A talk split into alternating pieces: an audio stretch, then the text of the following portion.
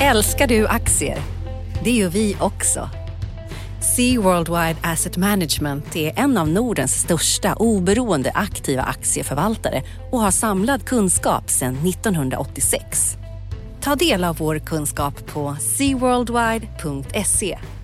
Bokstaven C, worldwide.se.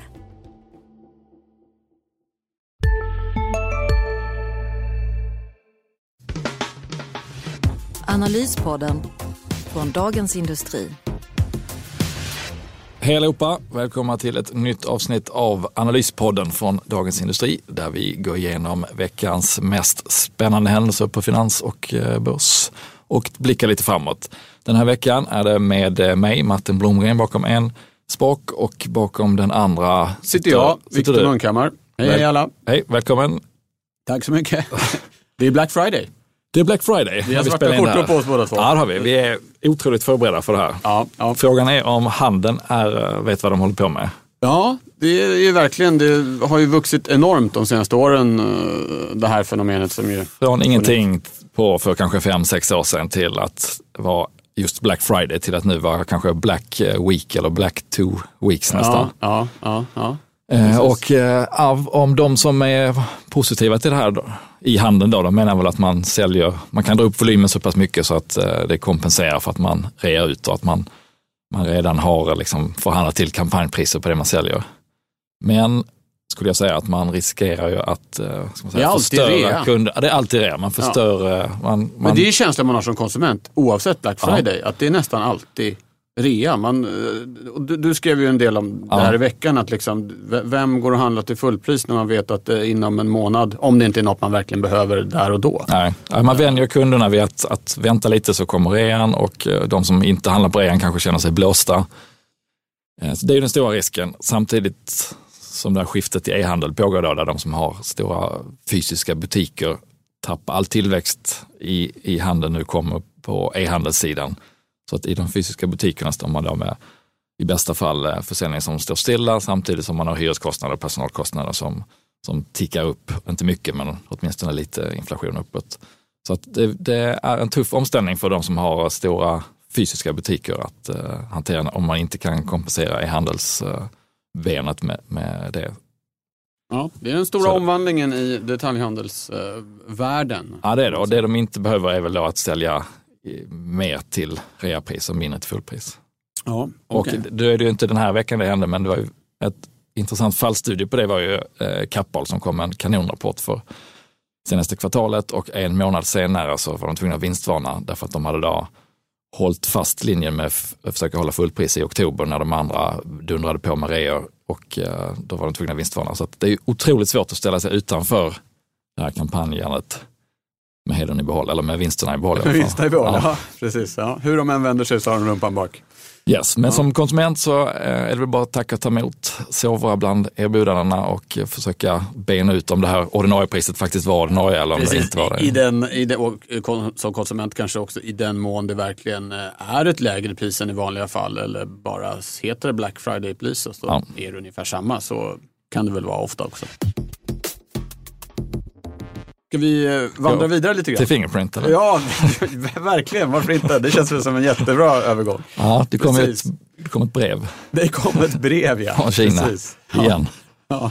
Ja. Um, om någon har missat det då så budrykten återigen på Fingerprint från Kina och eh, bolaget var tvungna att gå ut och berätta att de faktiskt hade fått ett brev men de bedömde att sannolikheten var så låg att det faktiskt skulle vara ett bud som gick igenom så att de inte hade gått ut själv med det utan det gjorde Dagens Industri.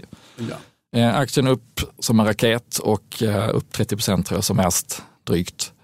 Vilket man ska då ha i bakhuvudet att det är Stockholmsbörsens mest blankade bolag. Alltså det är bolaget där flest har tagit position för att den ska gå ner. Och när en sån här grej kommer, om det skulle vara ett riktigt bud, så blir, är det ju en mardröm för de som har blankat för då måste de ju köpa tillbaka aktien för att kunna lämna tillbaka. Så det driver ju på en sån här uppgång ytterligare. Det blir lite turbo. Det blir turbo i uppgången, precis. Ja, ja. Eh, sen ganska snabbt så drog väl marknaden slutsatsen att det var inte så mycket substans i det utan det kanske var just ett brev som inte blev mer än ett brev. Så nu är aktien nästan tillbaka faktiskt på Jag kan väl nämna också att Fingerprint har ju en historia av konstiga budrykten uh, kan man säga. Vaga, påhittade, det finns väl en uppsjö därav. Ja. Så att det är inte, det är, marknaden är väl lite luttrad också Mm. när det gäller, om det var något liknande för sig, jag, Atlas Copco hade det kanske varit en annan, annan femma. Ja, ja. Ja. Det kom ju det här fejkade Samsung-budet för en massa år sedan och sen Ja. har det varit just de kinesiska intressenter som de har tackat nej till för att priset var för lågt och så där har det varit Ja. Ja. eh, okej. flera gånger. Men, eh, Ingen ja. rök utan eld kan man väl säga också. Det är väl eh, vår kollega Rickard Bråse som ju följer det här bolaget Mm. bra. Han, han verkar ju i alla fall ha den uppfattningen att förr eller senare kommer Ja. det bli uppköpt. Så att, eh, ja, skulle ju kunna vara nu då förstås. Men ja, det var väl en händelse att verkligen notera i veckan Mm. i alla fall. Får vi se vad som händer med Fingerprint. Det händer mycket i det bolaget kan man säga. Uh, vad är det med på börsen då om vi håller oss uh, kvar där? Då? Det varit- ser lite matt ut tycker jag. Det, ja, vem gör det var, det? vem inte det i slutet på november. Eh, nej, men rapporterna var ju bra. Upptakten till rapporterna var ju att, att börsen steg, inte mycket per dag, men varenda dag i, i två veckor nästan. Sen så kom det in bra rapporter, men, men sen har bostadsoron eh, som liksom smittar av sig lite på indextunga banker, på byggbolag i kombination med H&M som är indextungt, inte heller har en bra period. Eh, Så att det, det, verkstadsbolagen står väl upp, men annars eh, är det lite trögt bland, bland det som väger tungt i index. Att, för annars brukar det här vara en bra period i slutet på året, när man börjar blicka fram på nästa år. Det, det är väl den här oron för att vi är någonstans på toppen nu av konjunkturen kanske, att eh, även om nästa år också blir bra så, så, så är tillväxttakten och vinsttillväxttakten eh, börjar närma sig sent. Ja, det är ju en snackis också på räntemarknaden apropå toppen på konjunkturen. Den här Yieldkurvan. Ränte, räntekurvan, precis som ju är en eh, klassisk barometer för, för konjunkturen och då när, när skillnaden minskar mellan korta och långa räntor. I normalfallet är ju långa räntor högre än korta och så Mm. när det där eh, gapet minskar och om det till och med blir negativt, det är en sån här klassisk förvarning om försämrad konjunktur och där har den amerikanska och den svenska och andra såna här räntekurvor eh, flackat då som man Mm. säger. Eh, Och det var faktiskt en, en liten, jag såg eh, att eh, sökandet på yieldkurvan på Google var det högsta på sex år Okej. från USA. Och det skulle ju tyda på att man ser att ja, nu har vi kommit över toppen och, och är på väg ner. Sen får vi se om det här stämmer. Det har varit många så falska Mm. eh, inverterade yieldkurvor också, räntekurvor. Så att, eh, eh, men eh, visst. Eh, Kan det vara så att centralbankerna förstör den här lutningen på något sätt med att de är inne och köper? Eller? Ja, den är ju lite stökigt med det. Eh, och, men, men i USA, är ju, det som händer där är ju faktiskt att Federal Reserve håller på att minska sin eh, balansräkning. Alltså säljer eller låter innehaven förfalla i väldigt maklig takt. Mm. Får man säga. 10 miljarder gjorde de i oktober och 10 miljarder antar man att de gör nu i november. Och det ska då ställas i relation till att balansräkningen är 4 500 miljarder dollar ungefär. Så att, eh, men eh, det håller på att ändras. Eh, Men annars om man tittar på konjunkturindikatorer så fick vi väldigt fina signaler från Europa här i veckan. Här inköpschefsindex, det finns ett, kommer ett preliminärt för Tyskland, Frankrike och hela EMU och det steg ytterligare lite från en redan hög nivå. Eh, Det var väldigt brett, alla ingående delindikatorer steg. Tittar man på historiska samband så skulle det här vara förenligt med en tillväxt på ungefär 0,8 procent eh, i kvartalstakt. Eh, Alltså rejält höga tal, någonstans över tre då i, i årstakt. Sen så, precis som i Sverige så har de här indikatorerna inte riktigt eh, eh, matchats av faktiska utfall, men ändå bra tryck, fortsatt bra tryck eh, i Europa och även faktiskt som är intressant för ECB och därmed för Riksbanken tecken på att priserna håller på, pristrycket eh, stiger. Så att, eh, det talar ju emot den här bilden med den flackande avkastningskurvan och räntekurvan. Och även IFO som då är den tyska konjunkturmätaren kom här på precis innan vi gick in och var ju Precis. Fortsatt var, stark. ja, den steg eh, fortsatt också på jättehöga nivåer. Så Mm. att bra, bra tryck i Europa. Med, kanske vi ska nämna eh, Storbritannien som ett eh, undantag. Det kom en, en budget där i veckan och i och med det så var det det oberoende budgetkontoret kan man kalla det som gör prognoser för den brittiska ekonomin som visar på en, en, en långsamt avtagande tillväxttakt de, de kommande åren då, trots att eh, hela liksom det området som Storbritannien är och verkar Mm. i snarast går, går åt andra hållet. Så att, eh, skulle de tänkt på innan de röstar. Eh, ja, precis. Det, det, är väl, ja, ja, det skulle de ha gjort. Ja, så det, det sticker ut lite grann. Det har varit lite kapitalmarknadsdagar också, om vi går tillbaka till, till börsen. Du var i Tyskland Jag har tillbringat eh, precis en del av veckan i Münzingen och i Tübingen utanför Stuttgart där eh, Sandvik har ett, eh, ett produktivitetscenter där de visar upp saker och en fabrik som tillverkar vändskär. Ett vändskärsmecka. Ett vändskärsmecka kan man säga. Mm. Deras dotterbolag Valter då, som är ett av deras varumärken på vändskär som för den som inte är insatt är ett litet, en litet eh, ofta diamantformat eh, svinhårt eh, verktyg som sitter längst ut på en hållare och som kan fräsa och, och göra hål i stora metallstycken. Ja. Sista dagarna nu på vårens stora season sale. Passa på att göra sommarfint hemma, både inne och ute. Och fynda till fantastiska priser. Måndagen den 6 maj avslutar vi med Kvällsöppet i 21. Välkommen till Mio.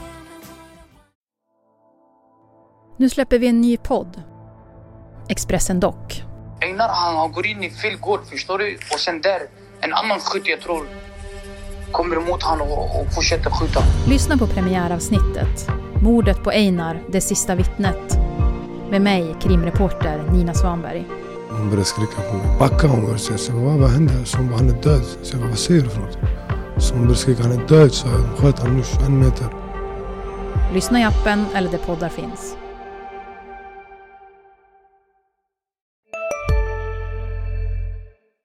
Härligt med sån där och- detalj. Ja, och det intressanta med den, om man då inte är jätteinsatt i, eller in, intresserad i just Walter, är ju att den, det är en produkt som är en consumable, den, den eh, går åt och den följer då industrikonjunkturen ganska bra. Eh, Så att när det är bra konjunktur så säljs det mycket vändskär och eh, tvärtom. Och det är väldigt kort ledtid på det där för att så länge produktionen är igång så går det åt sådana här. Då.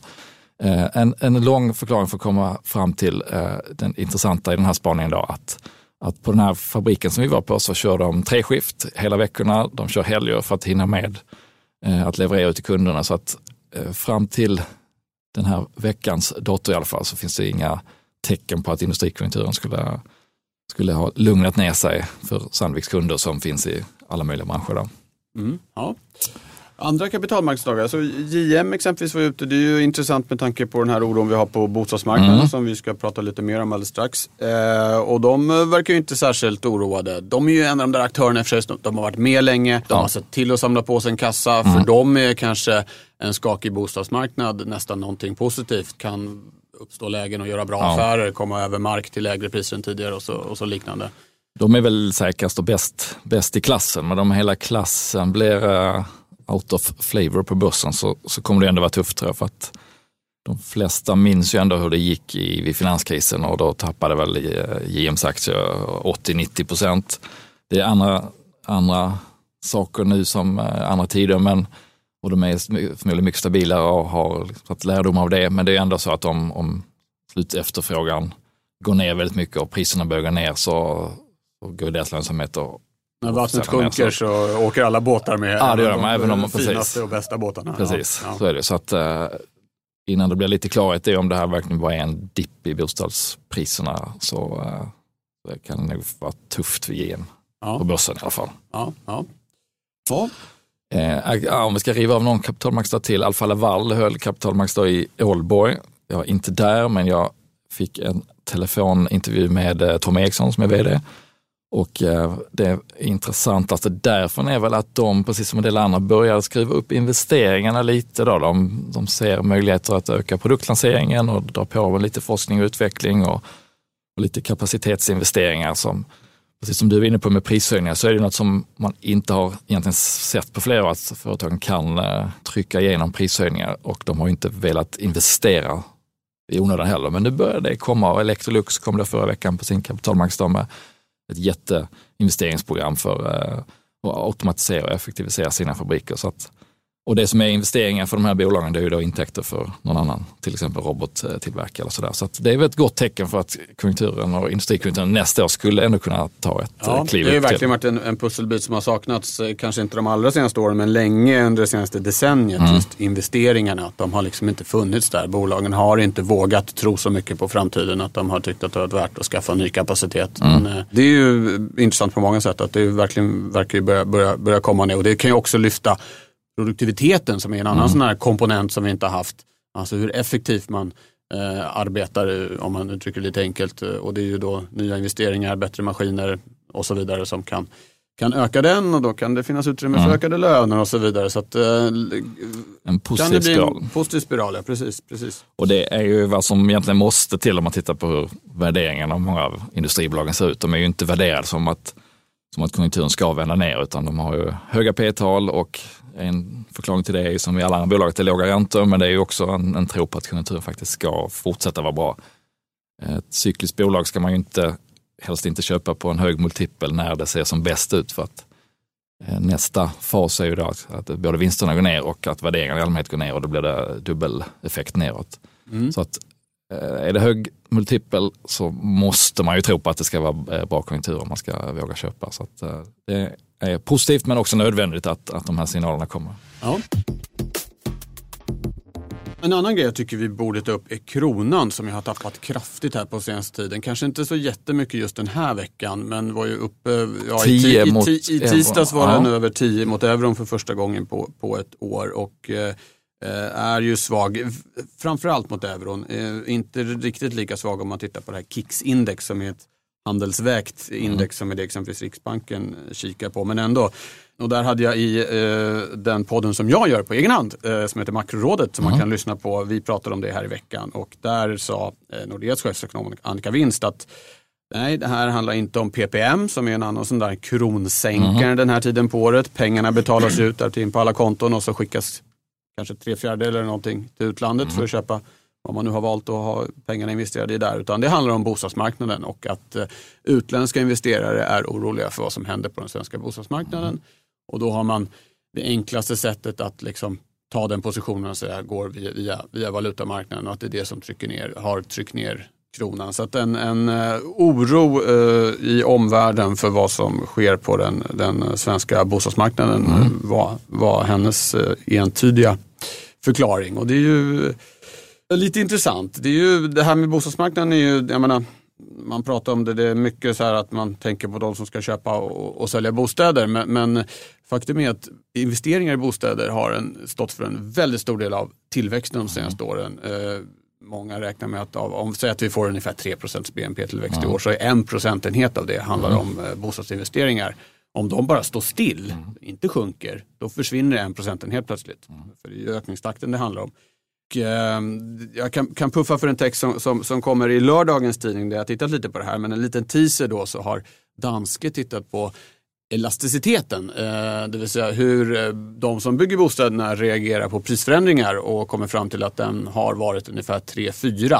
Det skulle då betyda att en nedgång i priserna med 10% minskar bostadsinvesteringarna med 30-40% Om man då tänker sig att eh, de står för ja, minst en tredjedel av, av hela tillväxten så kan det här bli ganska rejäla effekter på, eh, på tillväxten. Då. Utöver det här rent mekaniska då, så finns det ju lite av en, en faktor också, att man känner sig lite fattigare. Man blir lite orolig. förmögenhetseffekt. Ja, precis.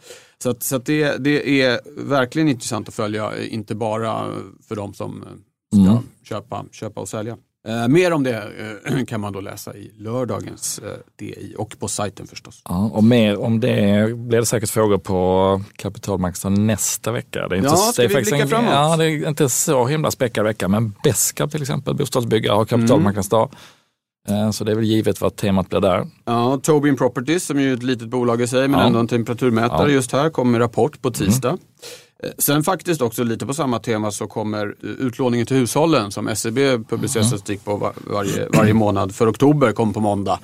Och där kan man ju, skulle man kunna tänka sig att vi har sett lite effekter av det som har hänt tidigare i höst då. Att, eh, att eh, utlåningen minskar när färre, för det handlar ju väldigt mycket om bostadslån där, när färre eh, kanske köper eh, bostäder. Så det kommer några indikatorer på temat i, i nästa vecka. Ska jag fortsätta med några saker till om Ja, nästa gör vecka ändå i farten. Vi får en BNP-siffra för Sverige på onsdag. Tredje kvartalet som väntas bli jättestark. 4% ungefär i årstakt. Eh, samtidigt så tredje kvartalet har varit, nu blickar vi framåt och det som många undrar över är just där som vi har pratat om, bostadsoron och hur, hur, hur det ska slå. Och så är det den första december på fredag nästa vecka. Det innebär att det kommer en hel drös med inköpschefsindex. De vi pratade om tidigare var de här preliminära. Det görs inget för Sverige exempelvis, men det kommer eh, på fredag. Så nya konjunktursignaler också där. Så det finns en del att se fram emot. Ja, även kapitalmarknadsdag i Axfood är det nästa Mm. vecka. Okej. som ju har en, eh, inte så färsk längre, men hyfsat färsk vd i Claes Balkov, Mm. tidigare Claes Olsson-chefen, eh, som tog över i, i våras och kommer väl nu då att ha sin första kapitalmarknadsdag i Axfood-kostymen och eh, dra upp riktlinjerna. De har gjort en hel del insteg på, just på e-handel eh, på livsmedel med köpet av eh, mat.se och eh, Middagsfridkassen. Så att de, eh, de har växlat upp samtidigt som ICA växlar upp och eh, eh, ja, det blir väldigt spännande att se hur det här livsmedel Även på den här nätet. apotekssatsningen va? Kommer Den är precis, den är ju i sin, i sin linda, men det, det stämmer. Så att det händer mycket i, i den branschen. Ja, bra. Ja, har du något mer att säga eller ska vi runda av? Tycker vi rundar av och önskar trevlig Friday weekend. Ja, och ska vi innan vi gör det bara berätta att det finns andra poddar man kan Ja. lyssna på här från Dagens Industri. Eh, Makrorådet har jag redan pratat om varannan onsdag. Det finns också eh, Digitalpodden som handlar om allt som händer i Ja. den digitala ekonomin. Och Förnuft och känsla som är en intervjupodd med eh, höjdare och där man kanske inte bara fokuserar på siffror och vändskär och omsättning och sånt utan även lite andra saker. Ledarskapsfrågor inte minst. Så att, eh, missa inte dem. Bra. Tack för att ni lyssnade. Hej då! Hej. Analyspodden från Dagens Industri. Podden redigerades av Umami Produktion. Ansvarig utgivare Lotta Edling.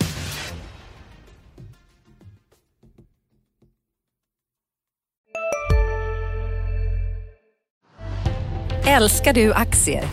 Det gör vi också.